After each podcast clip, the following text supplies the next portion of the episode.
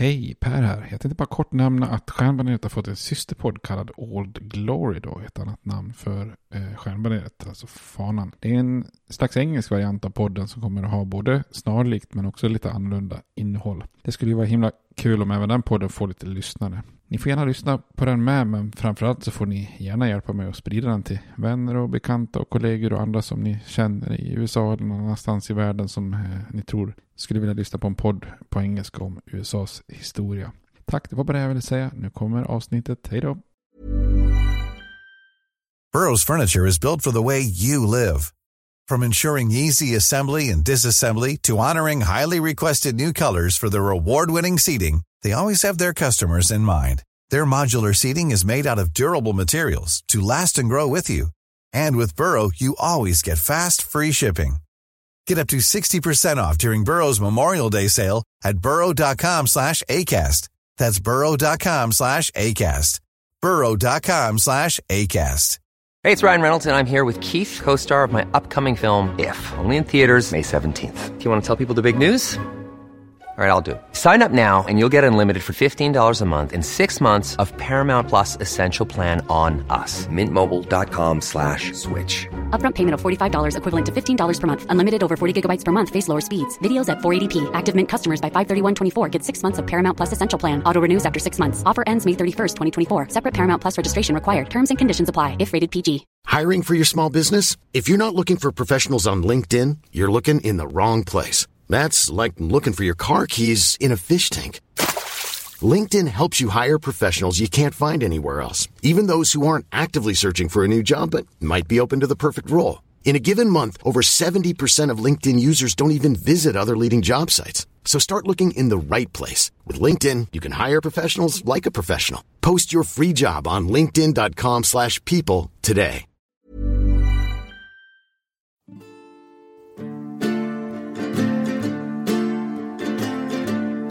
We hold these truths to be self-evident, that all men are created equal, that they are endowed by their Creator with certain unalienable rights, that among these are life, liberty, and the pursuit of happiness.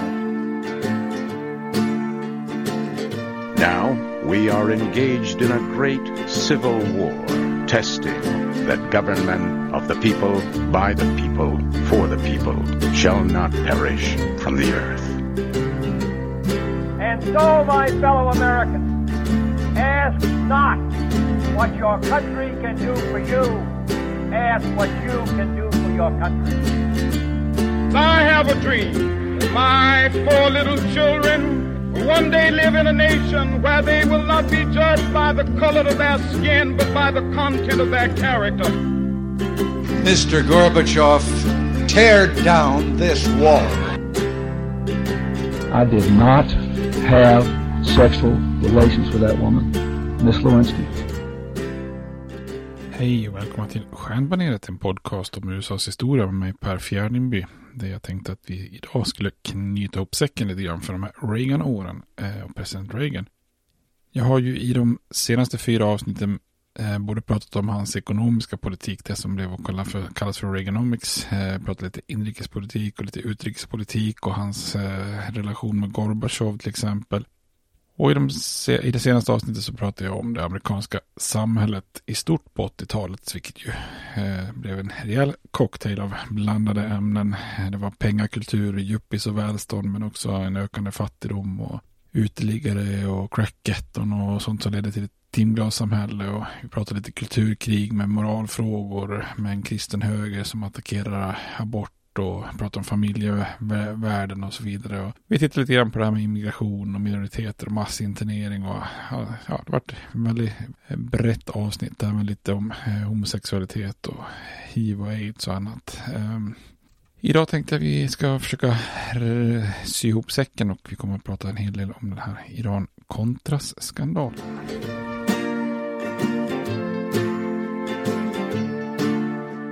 Under Reagans andra mandatperiod så bleknar ju det, den så kallade Reagan-revolutionen lite grann kan man säga. Eh, det är ju två viktiga skandaler som till och med gjorde så att den annars populära Reagans gloria föll något och hans popularitetssiffror eh, också då.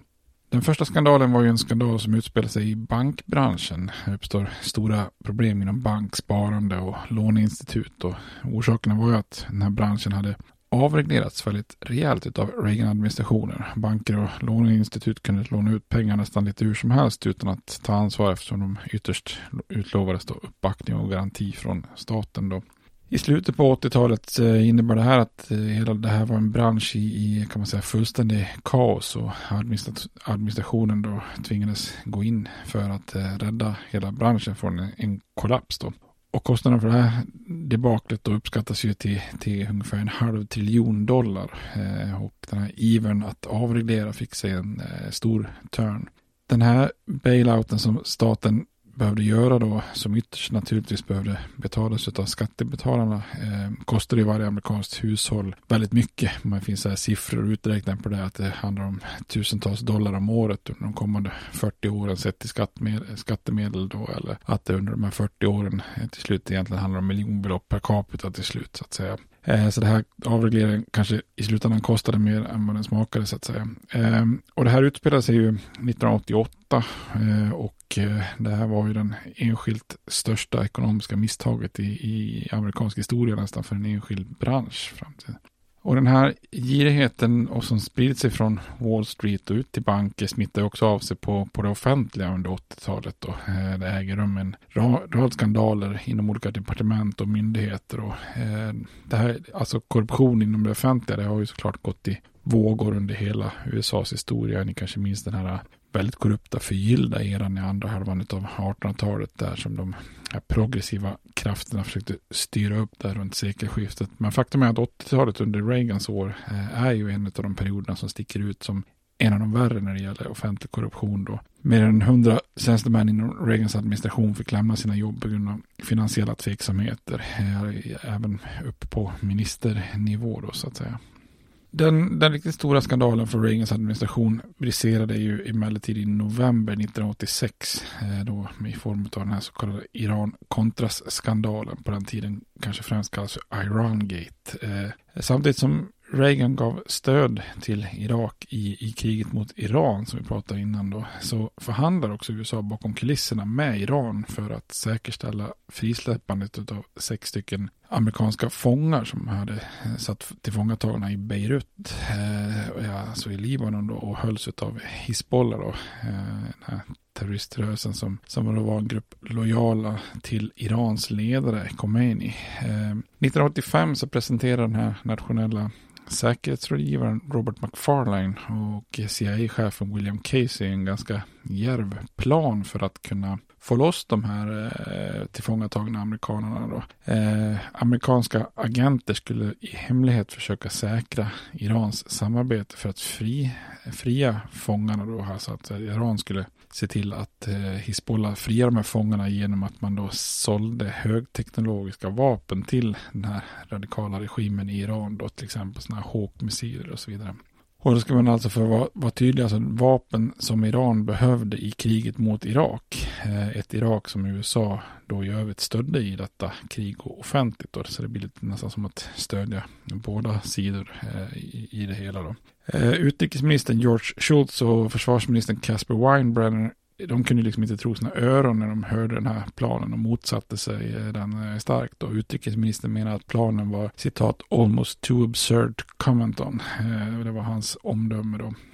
Reagan däremot, han plågades ju väldigt mycket av den man säger, vädjan som kom från, från fångarnas familjer. Eh, det kan man ju förstå ur ett, ur ett känslomässigt perspektiv då. Och eh, godkänner den här eh, planen i hemlighet då. Eh, McFarlane fick eh, resa till Iran och, och, sätta planen i verket då. Eh, och när fångarna till slut frigavs då genom att Iran Eh, påverkade Hizbollah då, så ljög man i Vita huset och, och, och, skrev då att no deal was made and that our position on no concessions to terrorists has not changed, säger man då. Redan där kan man ju kanske ifrågasätta hela agerandet så att säga. Lite halvtveksamt på många plan då, men det skulle ju sen bli värre då, för det fanns ju en ytterligare twist i hela det här då, något som gjorde att den här Iran-gate till slut blir Iran-Contras, eller Iran-Contras-gate. Eh, och det är ju här den här oppositionsgrillan i Contras kommer in då i det hela. För ett par avsnittet så, så pratade vi ju om det här om att kongressen hade tvingat Reagan att inte längre stödja den här grillakampen då som kontras gjorde mot den här vänsterregimen i Nicaragua. Eh, och det här hindrar ju dock inte administrationen att ge i uppdrag till en stabsmedlem vid nationella säkerhetsstaben vid namn Oliver North att eh, försöka förse de här grillarna med finansiering på andra vägar då. Bland annat försökte North samla donationer från rika högerkonservativa då, så att det liksom blir en slags privat donation till, till kontra. Så. Oliver North var ju en före detta Vietnamveteran som var superpatriotisk och svurit på att USA aldrig mer skulle behöva uppleva en sån här förödmjukelse igen som, som, eh, som man upplevde i Vietnam då. Men han var ju också rädd för att historien skulle upprepa sig i Centralamerika. Eh, I början av 86 så kom North på en smart idé då att när man, när man då säljer vapen till Iran så, så betalade regimen ett, ett överpris då. Eh, antitankmissiler som exempelvis normalt kostade 3500 dollar styck såldes till Iran för 10 000 dollar styck då. Och det här gör ju att den här vapenförsäljningen till Iran ger ju extra pengar eh, som, som ju ändå liksom var lite hemliga. Och de tycker, tänker han att de här pengarna, eller den här plussen som, som man går då i det här överpriset kunde ju istället gå till Contras då och göra nytta i, i Nicaragua. Så Oliver North kunde då via mellanhänder se till att helt enkelt slussa pengarna från Iran vidare till Contras. Då. Eh, alltså en hemlig vapenförsäljning till Iran kunde på det sättet generera miljoner dollar i, hemligt stöd för Contras i Nicaragua. Då. Enligt eh, de involverade så var ju det här en slags win-win situation då. Eh, och CIA-chefen Casey såg, såg det som ett utmärkt tillfälle för nationella säkerhetsrådet att kunna liksom genomföra den här typen av lite hemliga operationer som CIA hade förbjudits att göra efter de här skandalerna 1975 som vi pratade om tidigare. Då.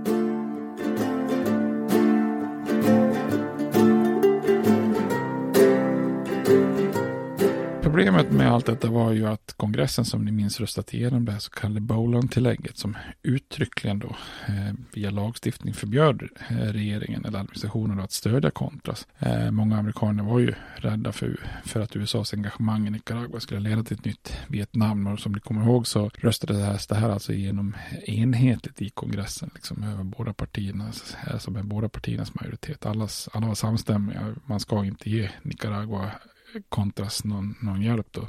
Så den här dörren var ju egentligen stängd och att eh, slussa de miljoner dollar till kontrast det var ju ett tydligt brott mot den här lagen då. Så här har ju då McFarlane och hans ersättare som, som sen då John Poindexter och den här Casey och North tagit sig lite vatten över, över huvudet här. Och det kom ju ut till slut då. Eh, det började med att en libanesisk tidning nosade upp den här historien om vapenförsäljning till Iran då.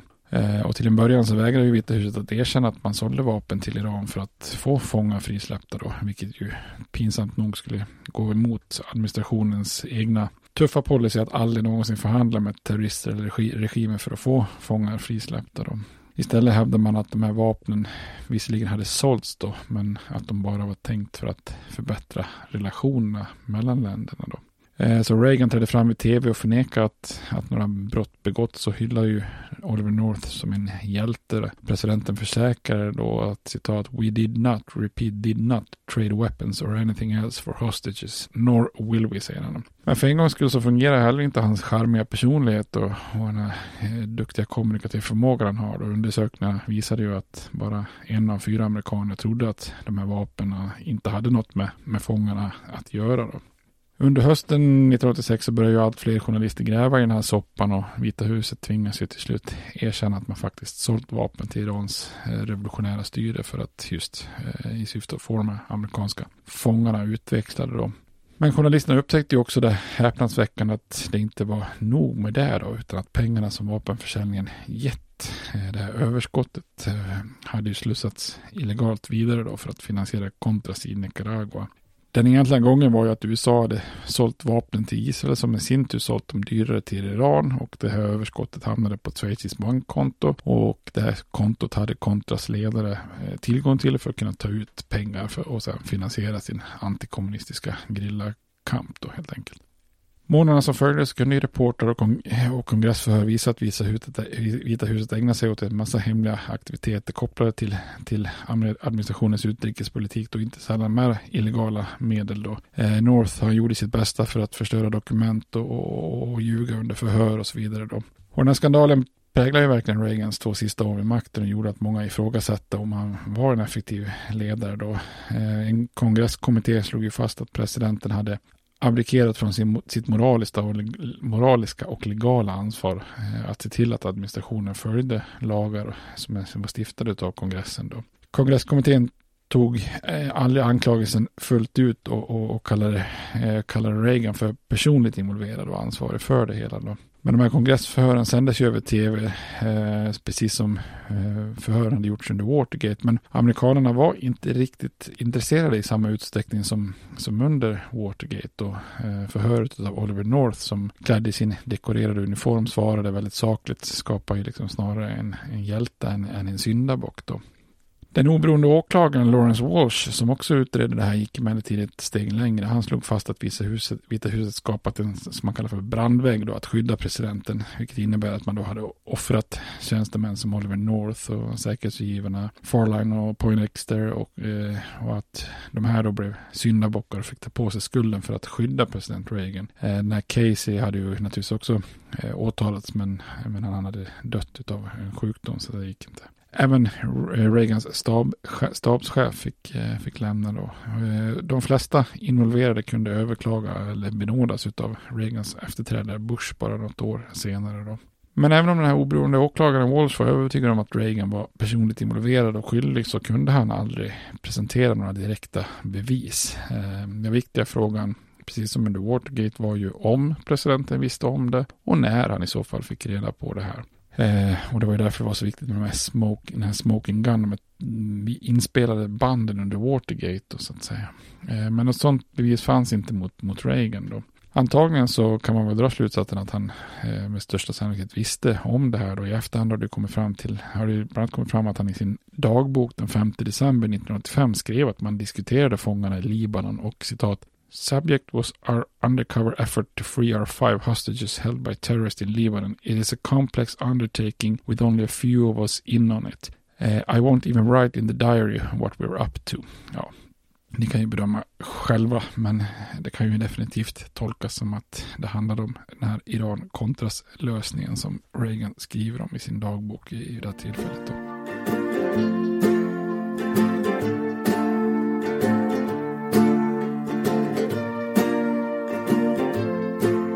Så trots att den här Iran-kontraskandalen skadade Reagans administration så lyckas man inte binda presidenten personligen då. Annars hade kanske landet fått ytterligare en riksrätt eller ytterligare en president som avgick frivilligt alla Nixon då efter Watergate-skandalen. Det är ju mycket likheter med Watergate. Alltså Vita huset ägnar sig åt omoraliska aktiviteter och bryter mot lagar. Man offrar lägre tjänstemän för att skydda presidenten. Men skillnaden är att man inte har någon sån där smoking gun i form av inspelningar från Vita huset som fällde Nixon då så att säga.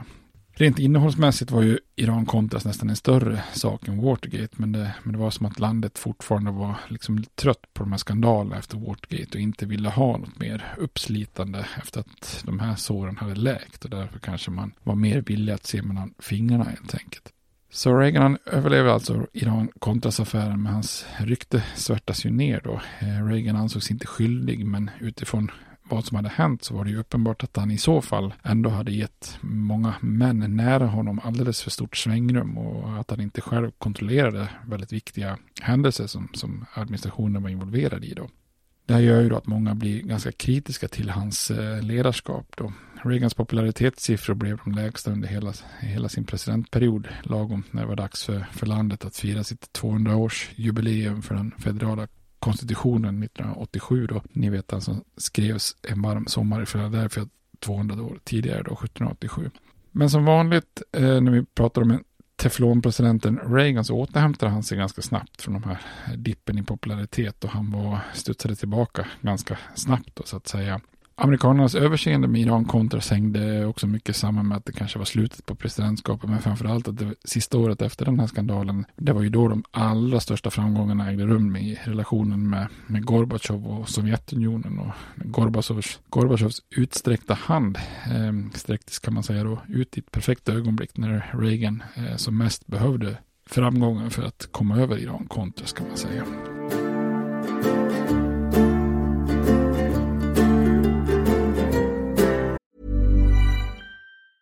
Hey, it's Ryan Reynolds, and I'm here with Keith, co star of my upcoming film, If, only in theaters, May 17th. Do you want to tell people the big news?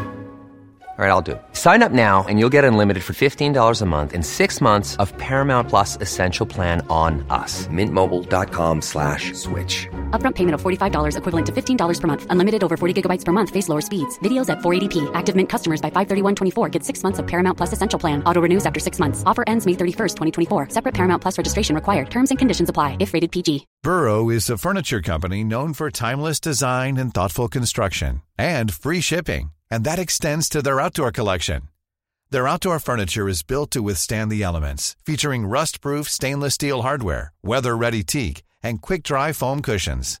For Memorial Day, get 15% off your Burrow purchase at burrow.com slash ACAST and up to 25% off outdoor.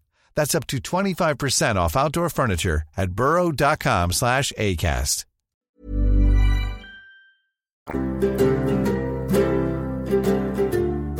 En orsak till att Reagan kunde komma undan Iran-Contra-skandalen var att han de sista åren som president inte riktigt verkade helt hundra mentalt stabilt och stundtals föreföll lite sådär glömsk och eh, förvirrad. När han vittnade under ed att han inte kände till Iran-Contra så kanske det berodde på att han faktiskt hade glömt bort vissa fakta då. I ett tal angående Iran Contest blev många väldigt förvånade när han sa att han tog på sig ansvaret. Men så tillägger han A few months ago I told the American people I did not trade arms for hostages. My heart and my best intention still tells me that's true. But the facts and the evidence tells me it is not. Vilket ju är ett oerhört underligt um, uttalande så att säga. Som att man inte riktigt minns eller som att han försöker känna efter hur det faktiskt var så att säga. Fem år efter att Reagan lämnade Vita huset så offentliggjordes det också att han diagnostiseras med sjukdomen Alzheimers. Då. Eh, och det är många som tog den här nyheten med, med stor sorg. Och en redan eh, hyllad ex-president fick ju väldigt mycket sympati från amerikanerna. Eh, det som uppstår blir ju naturligtvis också en debatt om exakt när den här, de här symptomen började för den här sjukdomen. Om det var under eller efter presidenttiden. Och det här är ju någonting man aldrig kommer få, kunna få liksom, eh, fullt sanning kring. Eller det förblir oklart. Men men för många som hade jobbat i hans närhet så, så var det här sjukdomen en, en förklaring till en hel del underligt som, som hände under Reagans sista år. Som, alltså saker och ting kunde förklaras. Det var flera medarbetare som hade undrat om, om presidenten verkligen var fullt kapabel att ta till sig komplicerade frågeställningar på de sista åren. Då på möten hade han oftast zoomat ut från konversationsämnen och istället berättat anekdoter och skämt som inte hade något med de allvarliga sakfrågorna som man hanterade. Att han just förlorade fokus så lätt kunde mycket väl eh, ha, ha, med sjukdomen att, göra då. Eh, det här förvirrade uttalandet kring Iran Kontas lika så då, så att säga. Vissa hävdade till och med att hans höga popularitetssiffror på slutet mer, mer skulle tolkas som en slags lättnad bland amerikanerna. Att det är en väldigt sympatisk, charmig och trevlig president som, som trots allt visade lite tecken på ålder och eventuellt lite mental förvirring hade tagit sig igenom sitt presidentskap eh, framgångsrikt. Så att säga.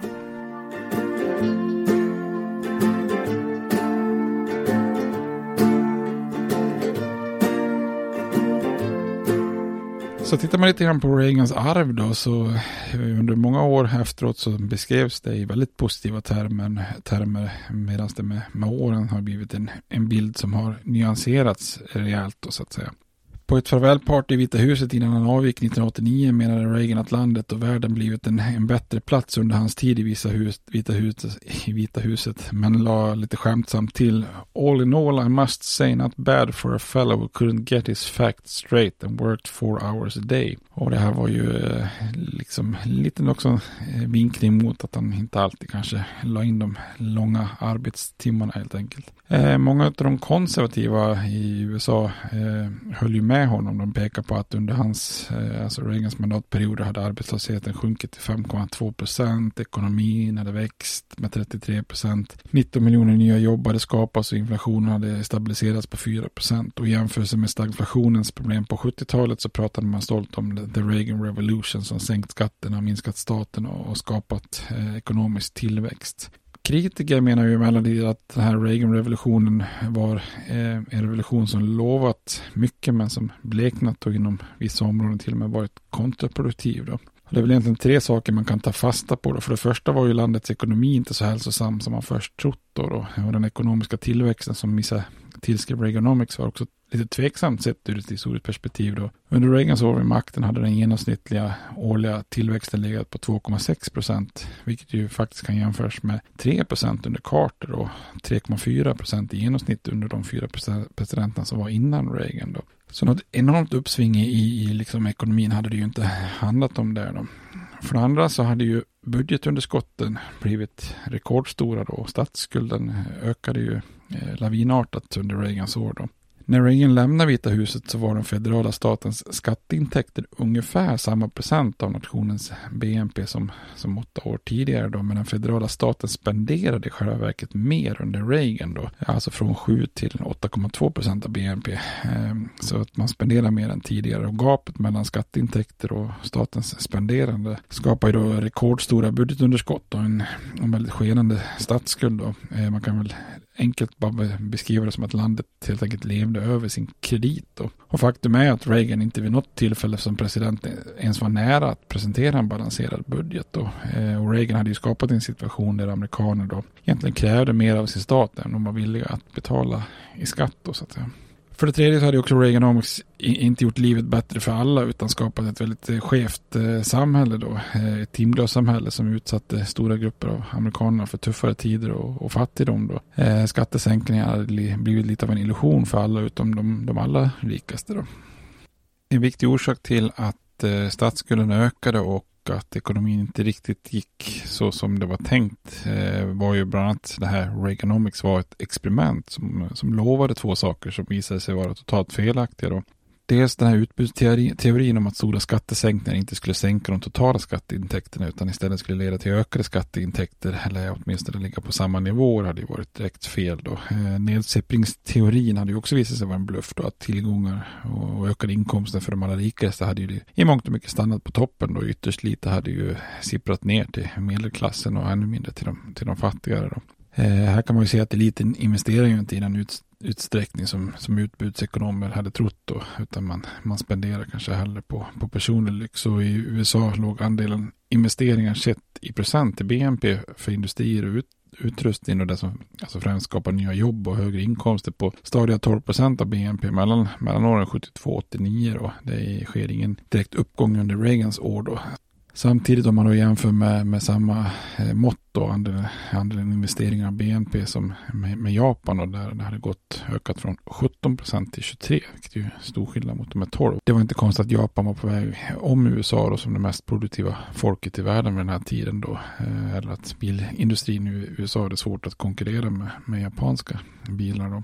Eh, Reagan hävdade ju när han blev president att den totala välfärden skulle öka så, så att alla fick mer då. Eh, inte bara att den befintliga välfärden distribuerades om då. Resultatet när han avgick var att hans Reaganomics främst faktiskt just distribuerat om och ökat skillnaderna i det amerikanska samhället snarare. Då. I slutet av Reagans styre så betalade den genomsnittliga amerikanska familjen mer i skatt än vad man gjorde när, när Reagan kom till makten. Då, delvis på grund av högre skatt på socialförsäkringen men också då federala neddragningar gjort att delstater och kommuner tvingats eh, höja sina, sina skatter. Då, så att säga. Reagans facit inom utrikespolitiken är ju också någonting som eh, varit eh, lite diskuterat i, i, i, debatterna efteråt. Och, eh, Reagans supportrar menar ju att det var hans tuffa retorik och den här drastiska ökade satsningen på militären som så att säga avgjorde kalla kriget och tvingade Sovjetunionen till förhandlingsbordet eh, och acceptera amerikanska villkor eftersom de insåg att loppet var, var förlorat då. Eh, det vill säga att man inte kunde matcha den amerikanska upprustningen och förstod att kalla kriget var omöjligt att vinna då. Enligt den förklaringen så var det ju Reagan som skapade eller påskyndade Sovjetunionens fall just genom att vara hård och tuff och satsa på militären. Då. Men att tillskriva Sovjetunionens fall utifrån enbart extern påverkan från USA är ju någonting som många ifrågasätter. Eh, istället är det ju många som menar att Sovjetunionens fall mer hade med inre faktorer i, i landet och beslut fattade i, i, i Moskva snarare än, än, än USA. Då man pekar också på att Reagans den initiala hårda och lite otydliga hållningen mot Sovjetunionen eh, inte kom någonstans förrän Gorbachev kom till makten. Gorbachev menar ju också själv senare att det främst var inhemska faktorer som drev hans handlingar snarare än Reagans hot och upprustning. Då. Sovjetunionens fall var, kan man se det som en långsam process som startade långt innan Reagan blev president. Då. Ett styre som så att säga sakta ruttnade inifrån. Gorbachevs försök att reformera systemet och öppna upp landet skulle liksom misslyckas i slutändan men det skulle också göra fallet aningen mjukare. Då.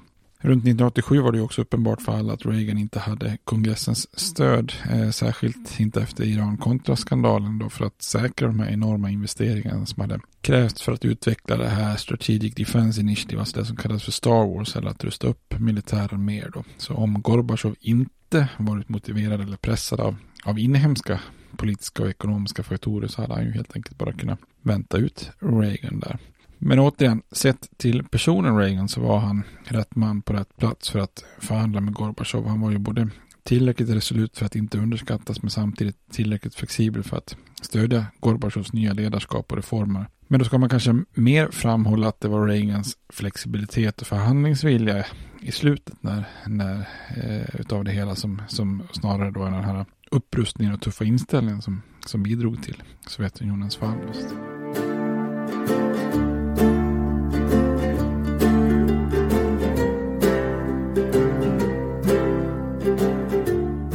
Så Reagan-revolutionen som de konservativa pratade om var ju på många sätt kanske lite mer snack än verkstad. Men, men symbolism, eh, mer symbolism än verklighet och kanske lite mer ideologi än praktiska framsteg. Reagan var ju ruskigt effektiv i sin kommunikation och sätt att föra fram sina idéer och budskap och definitivt en av de skickligaste presidenterna på den fronten. Men han kontrollerade aldrig riktigt politiken fullt ut ändå. Då. Hans administration hade ju ett första år av väldigt stora framgångar kopplat till just skatter och neddragningar och avregleringar och förstärkt försvar då, som röstades igenom av ett enat republikanskt parti med stöd från konservativa demokrater. De här framgångarna skapar på något vis en bild av en president med, med kontroll och, och framgång som, som sen liksom levde kvar under under Reagans år då. Men tittar man rent praktiskt så hade han där efter första året ganska svårt att driva igenom många förslag i kongressen. Och han hade tvärt den här mytiska bilden av honom till slut faktiskt ett sämre så kallat Congressional Support Score än både Nixon, Ford och Carter då. Alltså ett index eller mått på hur framgångsrik en president är att få igenom lagstiftning i kongressen och relationen med, med ledamöterna. Då. Trots att kongressen under hans sista två år röstade igenom lagförslag över Reagans veto gång på gång så, så var den allmänna bilden fortfarande eh, en bild av en framgångsrik president med kontroll på situationen. Reagans optimistiska budskap och, och skickliga kommunikativa förmåga gjorde att han framstod som en vinnare även om han inte alltid var det i praktiken. Då. Reagan fortsatte hela tiden att trumma ut sina idéer och budskap om, om nationell stolthet på ett sätt som gav intryck av en administration som gjorde väldigt mycket även om retoriken eh, då sällan kanske pra matchade praktiken. Då. Men vissa arv får man ju ändå verkligen tillskriva Ronald Reagan. Hans presidentskap hade på vissa plan väldigt stor inverkan på amerikansk politik. Mer än någon annan president än Franklin Roosevelt så förändrar ju eh, Reagan den politiska debatten i sig kan man säga.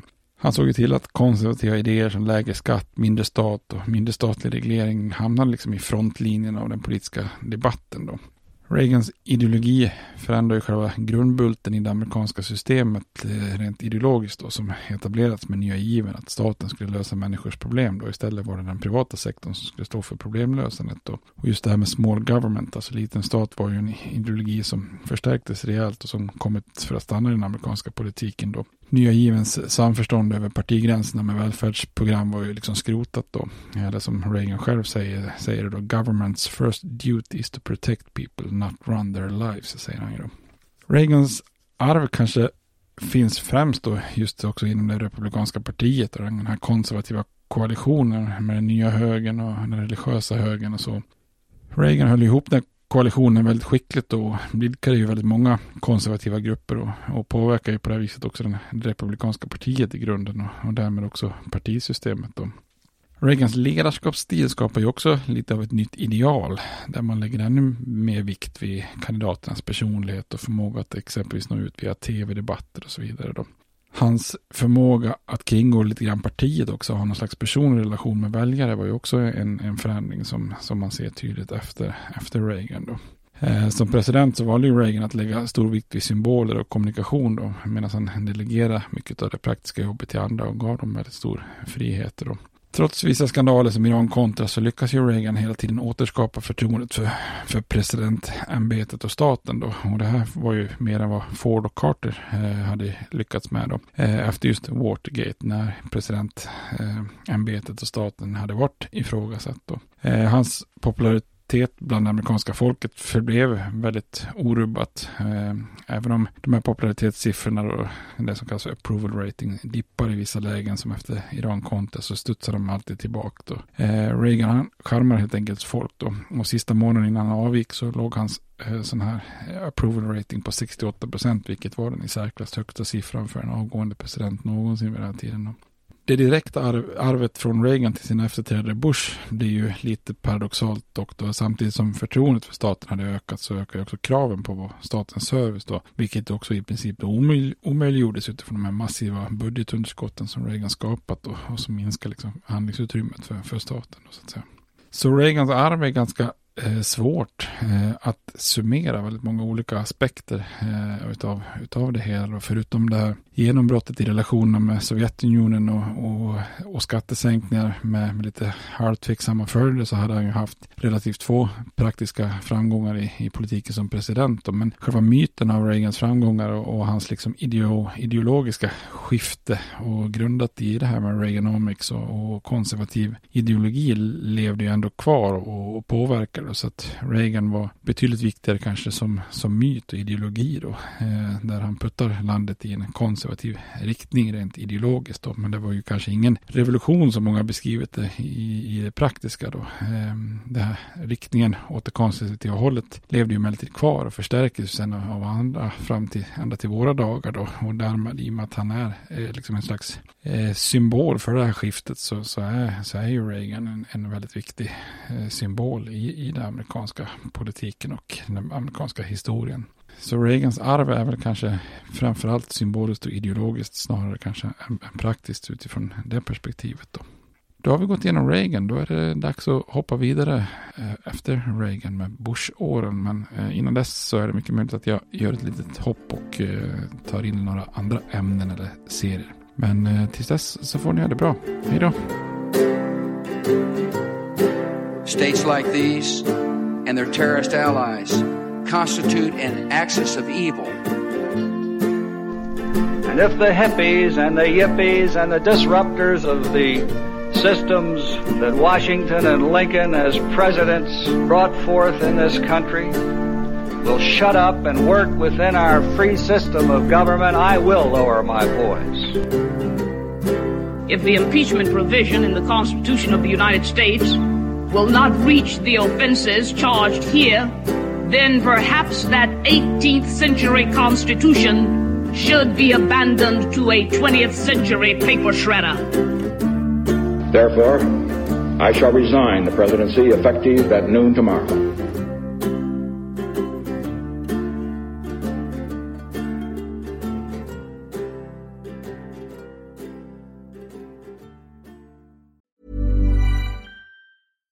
Hey, it's Paige DeSorbo from Giggly Squad. High quality fashion without the price tag. Say hello to Quince. I'm snagging high-end essentials like cozy cashmere sweaters, sleek leather jackets, fine jewelry, and so much more. With Quince being 50 to 80% less than similar brands. And they partner with factories that prioritize safe, ethical, and responsible manufacturing. I love that. Luxury quality within reach. Go to quince.com slash style to get free shipping and 365 day returns on your next order. Quince.com slash style.